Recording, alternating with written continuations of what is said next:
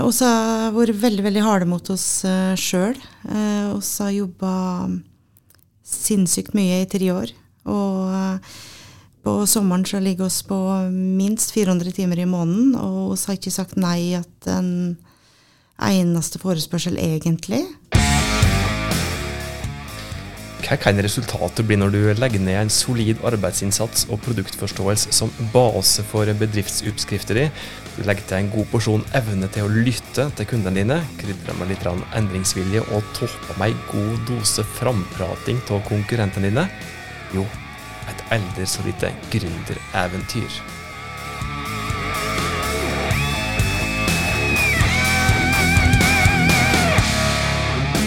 Velkommen til en ny episode av Hauspodden, podkasten fra fagfolk i Haus. Også her som vanlig for å hjelpe deg, eh, inspirere deg og gi deg gode råd, og ikke minst gi bedrifter som du jobber i, gode råd, inspirasjon til hvordan dere nå målet som dere satt dere. Jeg heter Tormod. Jeg har med meg en kollega i dag som heter Merete. Og for eventuelt gamle lyttere jeg vet at det er mange av dere der, så vil nok eh, dere legge merke til at dette er den første av mange episoder framover der vi skal gå enda litt tettere på en del bedrifter som har fine historier og nyttige erfaringer som de vil eh, dele med oss. Og Merete, hva er det egentlig lytterne kan forvente seg nå framover? Eh, nå tenkte jeg å skulle gå eh, og høre litt på, fra forskjellige bedrifter eh, som oss har fyrt opp gjennom. Og eh, ikke nødvendigvis fyrt her. Kanskje bedrifter oss syns er interessante. Eh, å høre hvordan de har bygd opp eh, sine bedrifter. Eh, ja, det blir mest meg eventyrfortelling fra de bedriftene som er bygd opp eh, gjerne rundt oss, som vi syns er interessante å, å, høre, og som vi gjerne har lyst til å dele med, med lytterne våre. Men i motsetning til det vanlige Asbjørnsen og Mofolk-eventyret, så er det ikke nødvendigvis noe snipp-snapp snute etter hvert, eh, hver episode her. Og forskjellen er jo det at dette her er ei, ei pågående soge som vi eh, skal prøve å hekte oss på, skal følge bedrifter over tid. Og til motsetning fra folkeeventyret, så er jo det alt det som vi prater om, da faktisk basert i virkeligheten. Det er, det er harde sannheter som, som dere skal få høre her. Uh, oss er to fra Haus her i dag, men oss er ikke enslige. Velkommen til Hauspodden, Hanne Forløkken. Tusen takk, Tormod og Merete. Takk for at jeg fikk komme. Bare hyggelig. Uh, og du kommer jo fra Fjelleventyret. Ja. Uh, og det er jo ei bedrift også har hatt uh, jobba sammen med i mange år. og vi har jo vært med fra tidlig utvikling. Og det er jo noe vi liker. Få være med fra starten av. Eh, og ikke minst få lov til å være med på reisa deres. Eh, så det jeg kunne tenkt oss å høre fra det i dag, er hvordan starta dere? For, for en liten fortelling fra, eh, fra den spede start. Ja. Vi uh, bor jo på en uh, bitte liten gard som ja, den er rett og slett ikke stor nok i dagens uh, skala. Verken stort nok fjøs, ikke har oss nok jord eh, for å drive. Så vi måtte på en måte kanskje være litt kreative og tenke på hvordan vi kunne liksom utnytte det vi hadde. Eh, samtidig som vi hadde 100% jobber, både jeg og Magne Håvard. Eh, så starta vi med litt sånn attåtnæring med å leie ut eh, annekset og stabburet på Airbnb. Og der eh, fikk vi ganske god napp. Det var veldig mange som ville på gardsovernatting. Ha det rolig og fredelig og kose seg. Og så har vi noen jenter på gården, og alle vet jo at småbarnstiden er veldig travel, og de vokser jo til. Og vi fikk litt bedre tid. Magne Håvard fikk litt bedre tid, og da var det en ting han liksom savna i livet sitt, og, og, det var fjellet. Å være litt i fjellet og kunne vende tilbake der og bruke litt mer tid der. Så han kjøpte seg to hester og tenkte han skulle tilby kløving under reinsdyrjakta. For oss har noe bukkekort som tilfeller garnet vårt. Og han ble ganske nedringt med de to hestene, så han måtte ganske fort kjøpe seg to hester til.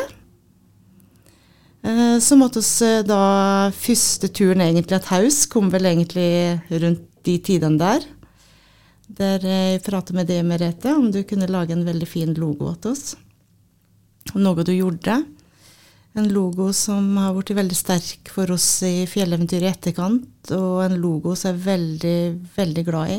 Som liksom forteller om det vi hadde i tankene den gangen, og som liksom representerer oss liksom i alt vi har med oss i tankene framover, da. Ja. Det er jo eh, kjempehyggelig for oss å høre, men, men også den der det kommer vi tilbake til senere òg, i forhold til det med merkevare og merkevarebygging. Ja. Eh, men for det husker jeg vi hadde gjerne like godt møte i forhold til hva dere hadde lyst til å ha eh, i utvikling av den logoen. Men, men den er jo kjempeinteressant, den starten deres med eh, et par hester og så et par hester til. Men eh, dere begynte å leie ut hester, gjør dere ikke det? Eh, eller, eller drive med guiding på hest? Ja, jentene våre var da i, De eldste var da rundt 12-13 år. Eh, de syntes det var litt stusslig at disse hestene eh, bare skulle brukes om høsten, eh, og ikke om sommeren. Så de spurte pent om de eh, kunne hatt det som sommerjobb, da, kanskje tilbudt noe barneridning, leieturer. Eh, så de fikk lov til å ringe lokalavisa Fjuken og logge noen fine plakater. Eh, som de hang opp på eh, ja, Coop-en i Skjåk og på Kiwi Lom og slike ting. Så hadde vi ganske streng avtale med dem at hvis det da kom noen gjester, så var det 100 deres jobb med å hente hestene og sale opp og slike ting. Og øh, jeg husker veldig godt når første bilen kom opp i gården, og de hyla i stua og fikk kledd på seg rimelig kjapt. Jeg gikk ut, sala opp og hadde sin eh, første leietur. Og eh, så gikk det ikke mer enn et par dager, så kom neste bil og neste bil, og den sommeren så tjente disse jentene seg 50 000. Så det var liksom eh, starten egentlig på, eh, på hestene og fjelleventyret. Ja. Var det primært eh, lokale gjester da, eller var det tilfeldig forbipasserende? Det var for tilfeldig forbipasserende. Lite ja. bygdefolk egentlig. Det var turister på rett, så de følte jo enda sterkere at de hadde virkelig ordna seg sin egen arbeidsplass og sommerjobb. Og så ble jo også tida slik at uh, på Instagram så ble det veldig mye like, hashtag uteliv og den type ting. Og så har jo hatt ei like, bølge der det er kanskje status å vise at den er en del ute. Uh, så det ble to hester til og to hester til, og så ble det guider da, som hos ansatte, som liksom kan mer om hest og rir mye mer, og jentene våre vokste, så de har også vært guider. Og, og nå har vi 22 hester. Ja, og så har jo vært på Garnsjødøk og vært med på hesteridning, og det er jo utrolig fin tur, eller fine turer og utrolig koselig å komme opp på tunet hos dere. Eh, så jeg skjønner jo at, eh, at, det, at, det kommer flere og flere gjester eh, til dere, som eh, sikkert sprer det gode budskap om hva, hva koselig det er. Det er litt artig å høre um, Du fortalte om jentene. altså Det var mor og far sjølve som starta, men relativt tidlig i fjellaventyrets historie så er det jo da faktisk ungen som da virkelig dreier på å komme med initiativet til å ta neste steg i bedriften. Det er, det er en gründerfamilie, det der. Ja, det er egentlig blitt det. Og, og det er en familiebedrift. Og det har vi liksom hatt fokus på hele tida, og det er det liksom den dag i dag. Eh, jentene er med veldig mye i sesongen. Eh, alt fra fjøset til rundbeltkjøring til å servere og hjelpe til på rommene som har blitt bygd etter kort. Og så, eh, og så er virkelig hele familien i drift. Ja. Og nå er det jo ikke bare reinskløving, eh, utleie av stabbur og hesteridning, guiding. Det har jo blitt litt mer? Ja, det har blitt litt mer. Og så har vi bygd et losjibygg. og og skal nå huse ja, 35 gjester. Og så skulle vi ha bare litt kaffe og rømmevafler en periode, men uh, så, Men vi har liksom egentlig ikke styra utviklinga sjøl. Det har liksom automatisk kommet spørsmål om oss kan dere ta på dere det, kan dere ordne det, kunne dere gjort oss med det? Og så har vi nesten alltid prøvd å sagt ja. Og så har vi måttet bare bygd litt etter eh, forespørslene rett og slett. Og så er det jo skikkelig god mat for dere. Det er vel en grunn til det òg? ja. ja. ja. da. Jeg har jo ei forhistorie med litt eh, inna, den bransjen, som Brimi-elev og, og, litt rundt omkring. Og så, så Å, du fryktelig blid, Beklager. ja. Nei da. Jeg var, eh, jeg var lærling til uh, Arne Brimi. Og uh, han tok veldig godt hånd om meg i de to årene. Og dette var i Brimis i virkelig glanstid? Han virkelig var Ja, dette var Arnes i virkelig glanstid. Og han hadde veldig, veldig mange kontakter overalt. Og han var veldig mye på farta. Og han eh, likte veldig å, å kunne bruke liksom han hadde på kjøkkenet. Og så var faktisk eh, elleve kokker på Fossheim den gangen. Og så var, veldig, og så var på en måte en stor familie. Og um, han uh, sendte to andre jenter før med uh, til Singapore, og så skulle han sende den tredje, og det, da plukka han ut meg.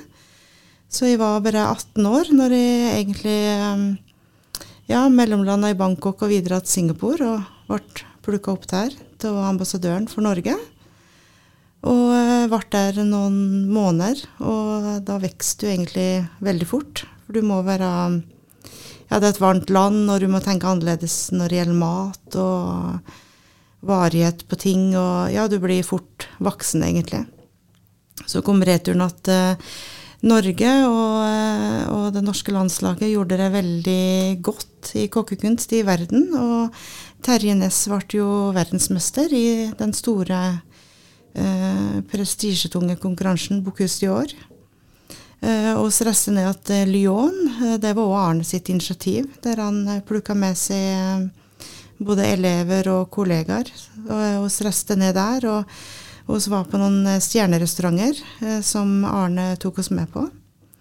veldig, veldig store opplevelser. Og så kom vi tilbake, og da trengte egentlig det norske kokkelandslaget litt hjelp. noen komier, som de kaller det.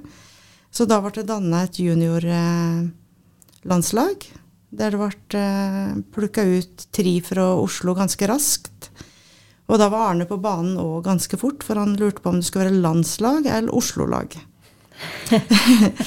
og da tenkte de seg om ganske raskt, og da ble det plukka ut en gutt fra Trondheim. Og så ble jeg plukka ut fra Lom, og så ble det plukka ut en gutt fra Stavanger. Så ble jeg eneste jenta eh, på laget, og vi eh, begynte å trene i Oslo en gang i måneden på, på Gastronomisk institutt. Og eh, reiste da både til VM og, og, OL i løpet av de fire årene. Og tok med oss gull på begge, begge, de konkurransene. Og var eller, eller så var vi kommis under landslaget og hjalp dem da. Når de var på sin store konkurranse. Så det var veldig, veldig artig. Så etter de fire årene så søkte jeg Landbruksdepartementet om ei støtte for å liksom kunne komme enda videre i livet. Og, og da reiste jeg ned til Sarpsborg og tok imot den eh, støtta. Eh, og reiste videre til Italia og eh, flyttet inn på en vingård der i Montepulciano og jobba på en stjernerestaurant. Så det var artig. En god base å ta med seg inn i fjelleventyret, tenker jeg. Og som Merete var inne på, dere har jo utrolig god mat.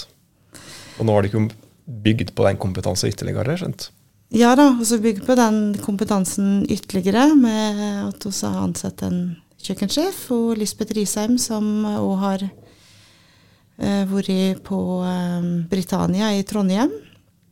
Og uh, ellers så prøver vi å drive det egentlig veldig like, jordnært, for alt er jo ja, kjører jo mellom Trondheim og Oslo, så jeg vet ikke, jeg tror det er over 40 like fastfood eh, avsporinger, liksom. Og de gamle veikroene er borte, og du får jo egentlig snart ikke kjøpt mat som er liksom laga fra bunnen i Norge, da. Så eh, liksom bare å kunne ta vare på det er jo eh, på en måte godt i seg sjøl, og jeg tror folk merker det når de er på besøk òg, da. Eh, du sa da at dere eh, nesten har introdusert nye tjenester etter hvert som dere har fått forespørslene opp igjennom. Hva, hva, hva strenger dere være med dere sjølve med tanke på å si nei? Er det enkelte forespørsler som dere har som ikke har endt opp med å bli et konkret produkt fra dere?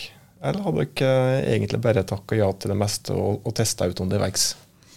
Eh, og så har vært veldig veldig harde mot oss eh, sjøl. Eh, og så har jobba sinnssykt mye i tre år. Og eh, på sommeren så ligger oss på minst 400 timer i måneden, og vi har ikke sagt nei til en eneste forespørsel, egentlig. Um, og så har vi kanskje gjort uh, noen oppdrag og tenkt at dette kanskje gir oss ikke mer, men uh, stort sett så er det egentlig de rundt oss som har kanskje ja, skal på fjelleventyret til en stor grad. Um, ja, og så, oss, og så har vi prøvd å være veldig flinke til å lytte til dem som er på besøk hos oss. Både ja, bygdefolk og utlendinger, da. Og det endrer seg jo uh, hele tida. Både med mm, økonomi, uh, miljø, uh, hva vi har behov for. I sommer så har vi sett veldig stor endring i akkurat det. Um, så må vi på en måte prøve å endre oss og legge til rette for det de nye ønskene folk kommer med. da.